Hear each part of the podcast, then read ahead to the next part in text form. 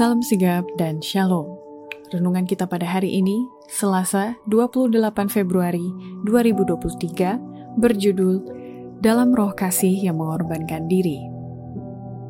Ayat intinya terdapat di dalam Yohanes 15 ayat 11. Semuanya itu kukatakan kepadamu, supaya sukacitaku ada di dalam kamu, dan sukacitamu menjadi penuh. Pena Inspirasi menuliskan yang dimaksud dengan judul renungan kita pagi ini dalam roh kasih yang mengorbankan diri adalah sebuah panggilan kehidupan yang praktis agar kita bisa senantiasa memiliki sukacita surgawi sebagai faktor yang menunjang kebahagiaan sejati dan sarana untuk memulihkan hubungan kita secara vertikal kepada Tuhan dan horizontal dengan sesama sebagai berikut. Pertama, Ciri-ciri orang yang bertumbuh bersama dalam roh kasih yang mengorbankan diri adalah tidak mewakilkan pekerjaan pelayanan penginjilan kepada orang lain, tetapi menganggap itu menjadi tanggung jawab perorangan, usaha perorangan, dan pengorbanan perorangan. Kristus menyerahkan kepada para pengikutnya satu pekerjaan perorangan, satu pekerjaan yang tidak dapat diwakilkan kepada orang lain. Pelayanan bagi orang sakit dan orang miskin, penyampaian Injil kepada orang yang sesat, itu bukanlah diserahkan kepada komite atau organisasi sosial. Tanggung jawab perorangan, usaha perorangan, pengorbanan perorangan adalah tuntutan penginjilan.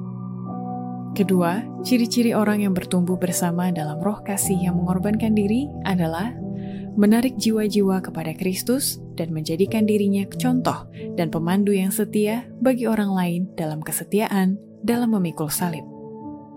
Sebagai orang Kristen, kita tidak melakukan seperdua puluh bagian dari apa yang dapat kita lakukan untuk menarik jiwa-jiwa kepada Kristus. Ada satu dunia yang perlu diberi amaran.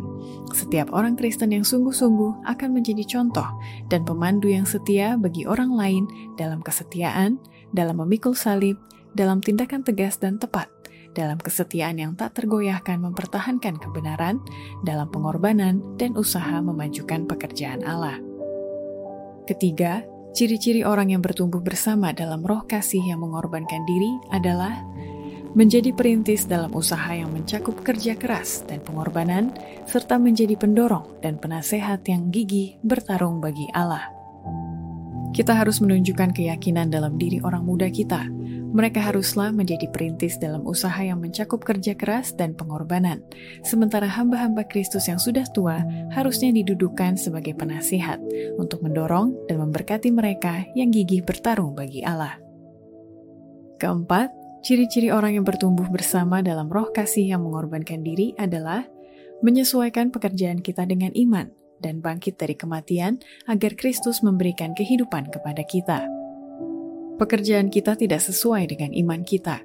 Iman kita menyaksikan bahwa kita sedang hidup di bawah proklamasi satu pekabaran penting yang sangat hikmat yang pernah diberikan kepada manusia berdosa. Namun fakta ini dipandang dari segala sudut, upaya kita, semangat kita, roh pengorbanan kita tidak seimbang dengan sifat pekerjaan itu sendiri.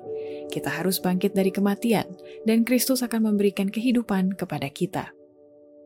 Kelima, Ciri-ciri orang yang bertumbuh bersama dalam roh kasih yang mengorbankan diri adalah tidak boleh memiliki sikap ragu-ragu, memelihara roh keduniawian, tetapi selalu siap berkorban agar kebenaran akan menang dengan gemilang.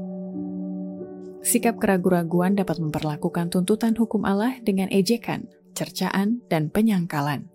Roh keduniawian dapat mencemarkan banyak orang dan mengendalikan sedikit orang. Pekerjaan Allah dapat dipertahankan hanya dengan memanfaatkan pengorbanan yang terus-menerus, namun pada akhirnya kebenaran akan menang dengan gemilang. Demikianlah renungan kita pada hari ini. Kiranya Tuhan memberkati kita semua.